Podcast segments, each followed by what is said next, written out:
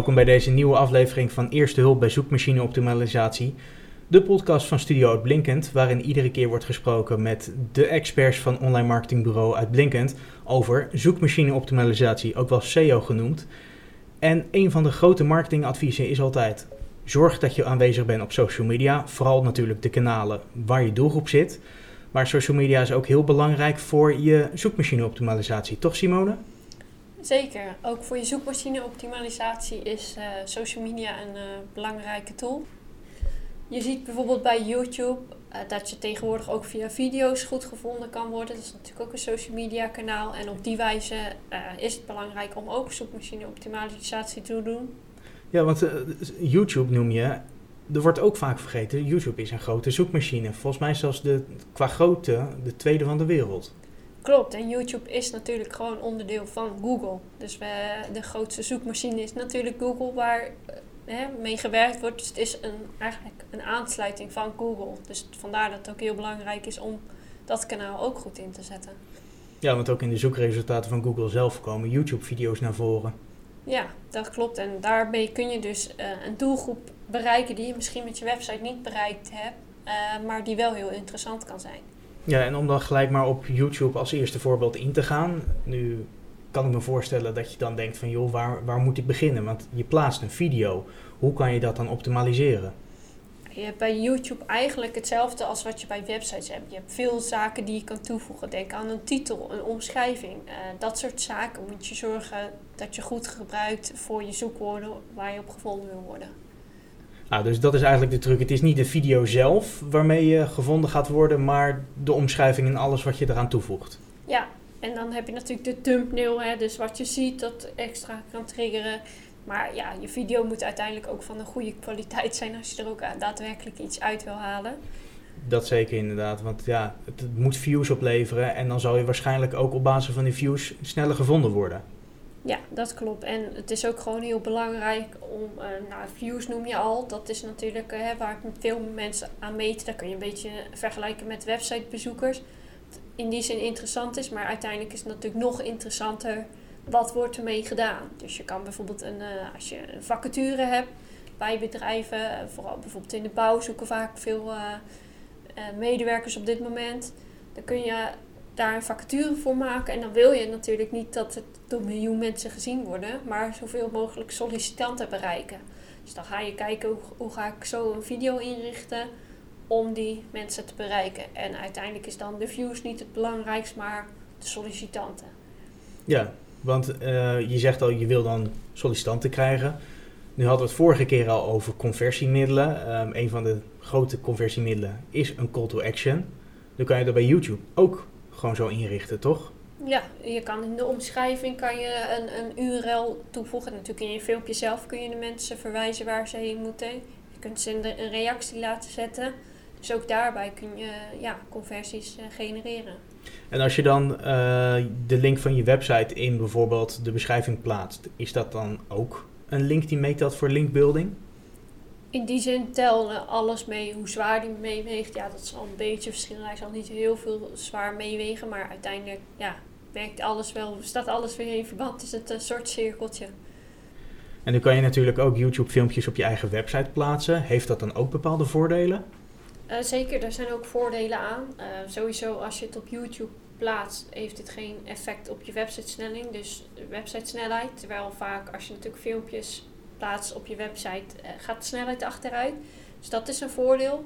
Daarnaast zorg je er ook weer voor dat meer mensen je filmpje gaan zien. Wat natuurlijk uiteindelijk weer consequenties heeft voor je positie in YouTube.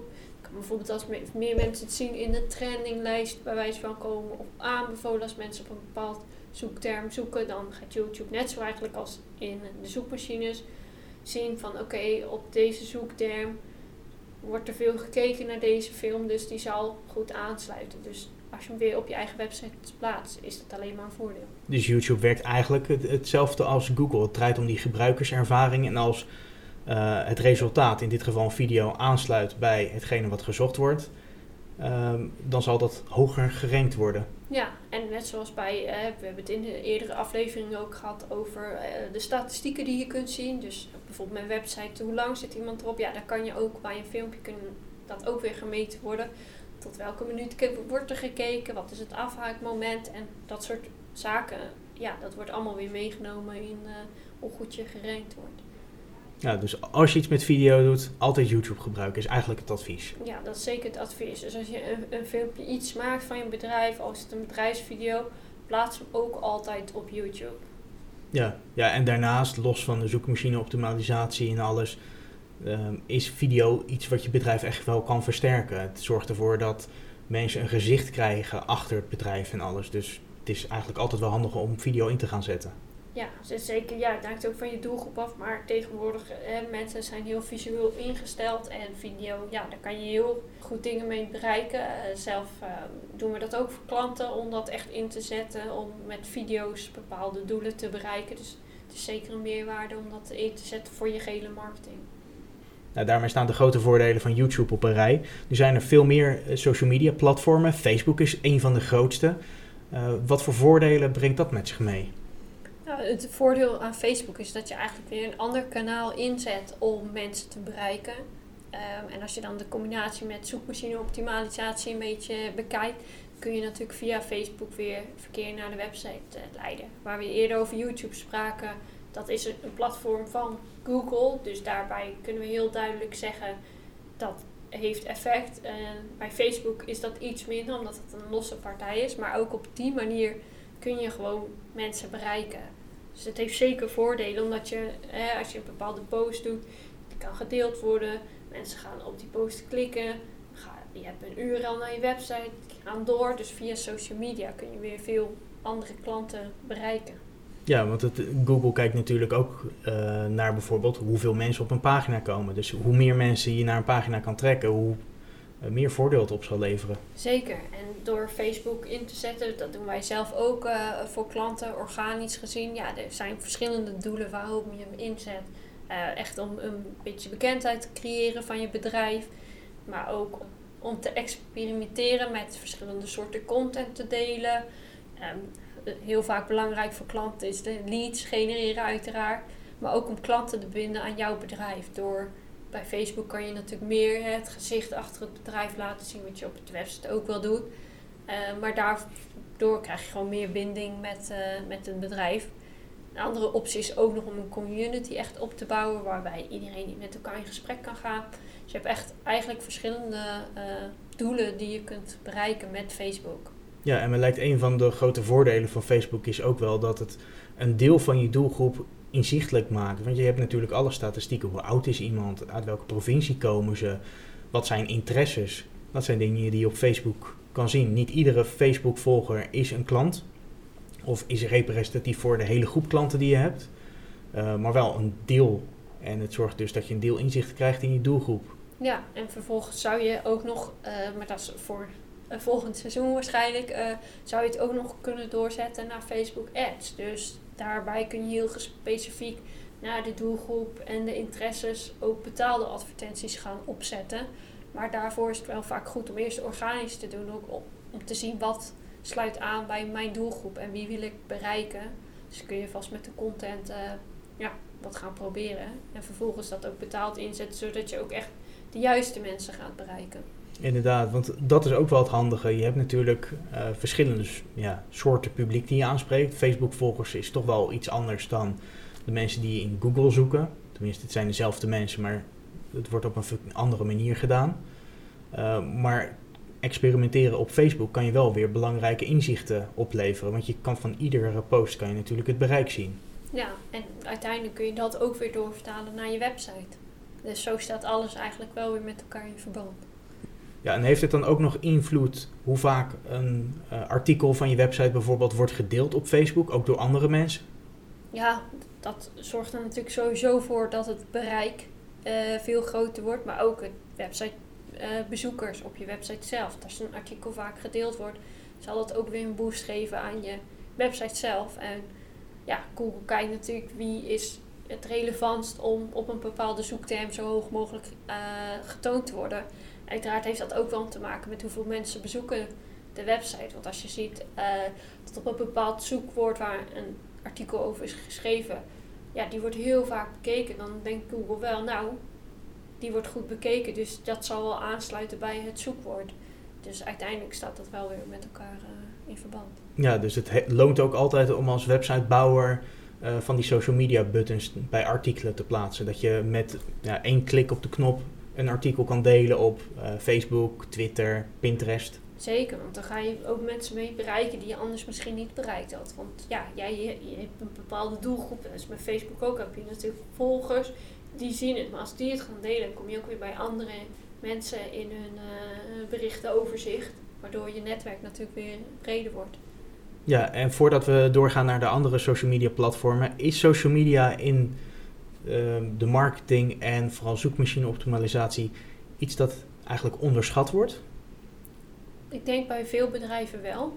Uh, vaak is het van oké, social media doen we erbij, we posten af en toe iets en dat is iets voor alle kanalen. Het heel belangrijk is, is om consequent te blijven posten. Uh, dus je ziet wel eens dat iemand het even te pakken heeft en elke dag iets post en vervolgens maandenlang niks. Uh, als je het in gaat zetten, dan moet je het ook wel goed inzetten, vind ik. En daarmee bedoel ik dat je echt wel relevante en kwalitatieve content moet gaan delen dat kan ook echt persoonlijke dingen. Het hoeft echt niet allemaal binnen de kadertjes. Juist leuk om hè, een beetje op te zoeken wat leuk is voor de mensen. Maar ja, daar echt in consistent in zijn. Dus dan zou mijn advies bijvoorbeeld zijn om eerst eens te beginnen met één keer per week op een vast moment iets uh, posten. Zodat mensen ook elke keer weten wanneer je weer er bent. En dan kun je dat langzaamaan uitbreiden. Ja, want je zegt vast moment. Nu zijn die vaste momenten op social media ook heel erg belangrijk, toch? Ja, omdat ja, de mensen weten wanneer het komt. En ja, uit de statistieken en alle onderzoeken is ook gebleken dat dat gewoon heel belangrijk is. Ja, want die onderzoeken die laten dan zien wat de beste momenten zijn ook, toch? Bijvoorbeeld zondagochtend is voor de meeste bedrijven niet echt handig om iets op social media te plaatsen. Omdat het bereik gewoon minder is.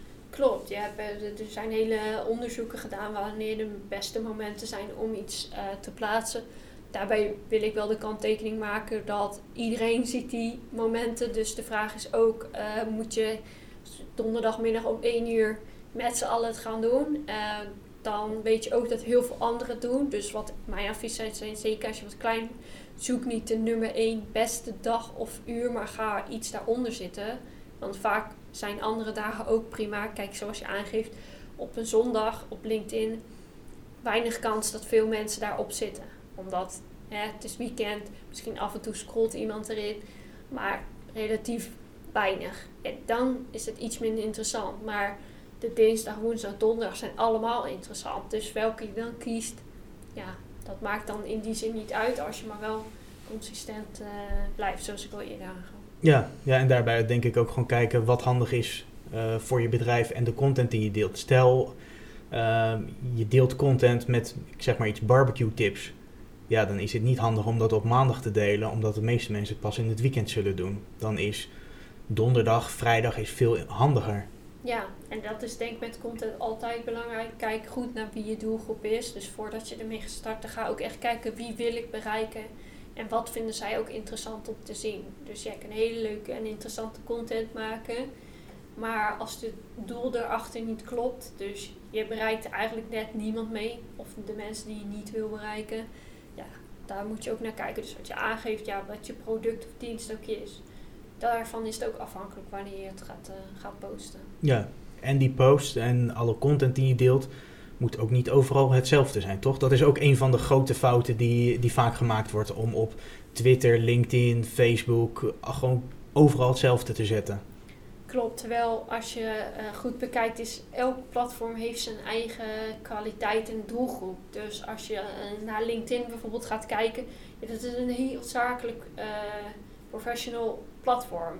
Nu mag je daar heus wel een beetje hè, ook persoonlijk zijn. En waarschijnlijk ziet iedereen ook wel eens die discussies over wat tot hoe ver kun je gaan. Mm -hmm. maar dat is een heel zakelijk platform. Terwijl je als je bijvoorbeeld Instagram, ja, dat is wat speelser om het zo maar te zeggen dus ja, daar kun je wat meer, uh, bijvoorbeeld de mensen achter de schermen taart eten. Ik kan trouwens ook op LinkedIn, maar om even hè, het, verschil een beetje duidelijk te maken. Ja, daarbij moet je je content wel aanpassen op de doelgroep die er zit en wat het platform is. Dus bij eh, Instagram, nee, niet veel tekst. Instagram is afbeeldingen. Daar is de afbeelding zo belangrijk.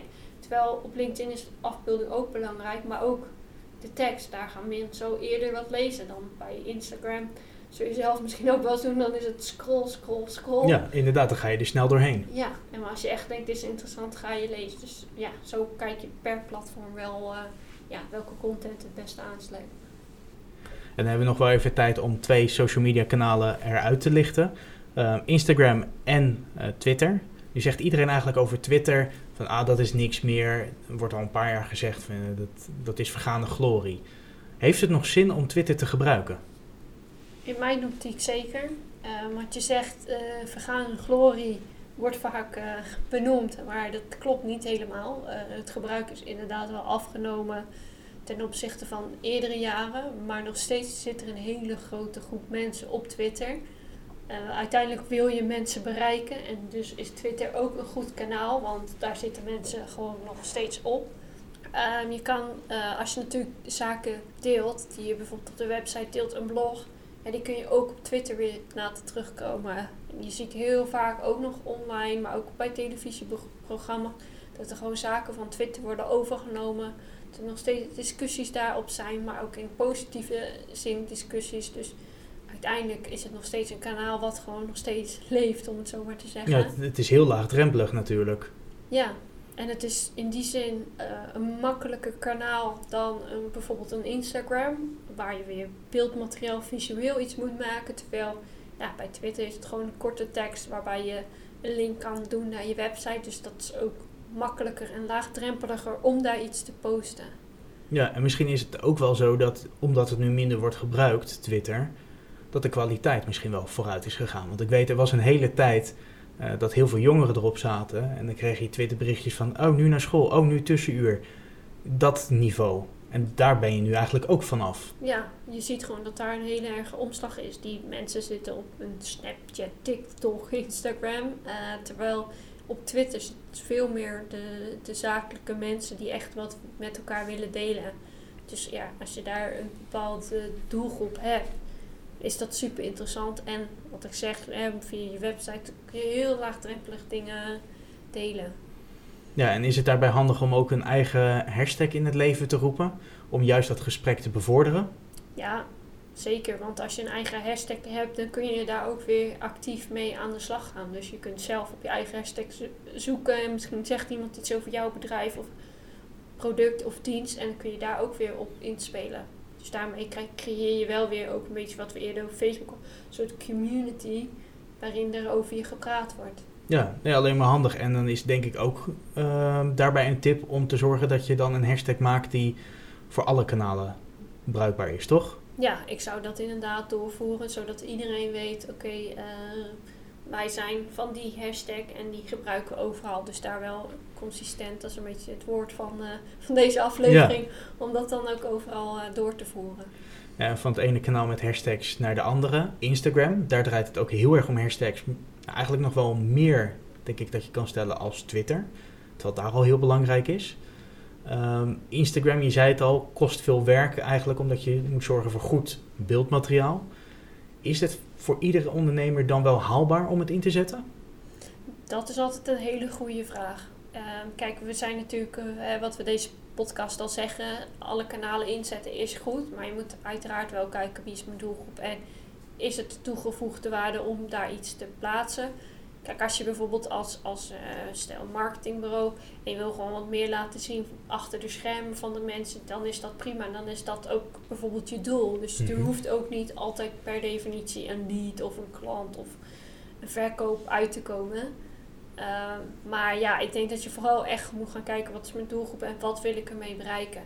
En we zeggen, ja, je moet goede kwalitatieve foto's hebben is zo, maar aan de andere kant is het ook leuk om gewoon heel persoonlijk te blijven. Dus het hoeft ook niet altijd de foto's van de fotograaf te zijn die helemaal perfect gefotoshopt bij wijze van zijn. Mhm. Ehm, maar het ook gewoon uh, ja, duidelijk te maken. Ja, wat, en wat dat betreft worden eigenlijk foto's ook wel daarin onderschat. Dat iedereen denkt van ja, je moet goede foto's van een fotograaf hebben. Maar met een telefoon zijn tegenwoordig, omdat die camera's gewoon heel goed zijn, zijn perfecte foto's te maken voor online. Kijk, het zou heel anders zijn als je er drukwerk mee maakt. Dan hebben foto's wel uh, andere ja, vereisten nodig. Maar voor social media maakt het eigenlijk niet meer uit, toch? Zolang het maar groot genoeg is. Ja, inderdaad. En dat je gewoon in, ja, met de telefoon is prima. En wat we zelf altijd zeggen is, je, je moet daar gewoon uh, content en foto's delen waar je achter staat. En dan is het altijd goed. Dus ja, soms ga je iets proberen dat je denkt, dit is misschien leuk om te delen met onze volgers. En dat slaat misschien een keer niet aan. Maar als je er gewoon achter staat, dan is het gewoon goed. Dat is denk ik de belangrijkste tip om aan de slag te gaan met social media, toch? Ja, wat wij ook altijd zeggen tegen klanten, het is ook een beetje proberen. Zeker als je het als zelf als, als uh, ondernemer zelf wil gaan proberen. Je weet van tevoren niet altijd wat aanslaat en wat niet aanslaat. Tuurlijk heb je een bepaalde richting en ga, doe je vooronderzoek. Uh, ga je goed kijken naar je doelgroep. Vervolgens is het ook gewoon een kwestie van doen. En dan zie je dit slaat aan, dit slaat misschien niets minder aan. Uh, maar slaat het aan, hè, dat komen we weer terug ook op de views en de likes. Mhm. Uh, misschien heb je maar 10 likes, maar komen er wel drie klanten uit. Dan is dat ook goed. Dus ja, sta je ook niet blind als je een keer iets deelt en je krijgt iets minder likes van, oh dit werkt niet. Ja, misschien op dat moment niet, maar op een later moment wel. Want dat is het ook. En dan komen we weer terug eigenlijk op de, de dagen waarop iets geplaatst wordt en de tijdstippen. Je bent afhankelijk van die algoritmes van de verschillende platformen. En de ene keer kan iets wel aanslaan en de andere keer niet. Terwijl ja, het is gewoon precies hetzelfde wat je doet. Maar ja, het is gewoon een stuk geluk hebben. Ja. Daar draait het om. En dat is ook bijvoorbeeld met Twitter natuurlijk een, een duidelijk kanaal. Als er iets in de wereld gebeurt of ergens, ja, dan zie je opeens de trendings allemaal richting dat. Dus dan, en je post precies op dat moment iets, ja, dan ben je misschien iets minder zichtbaar. Maar op een ander moment ben je weer meer zichtbaar. Ja, nee, duidelijk. En mocht er nou vragen zijn over social media, stuur dan gerust een mailtje naar studio.uitblinkend.com. Alle vragen die krijgen van ons een antwoord. En later in deze podcastreeks gaan we ook een aantal vragen in afleveringen behandelen.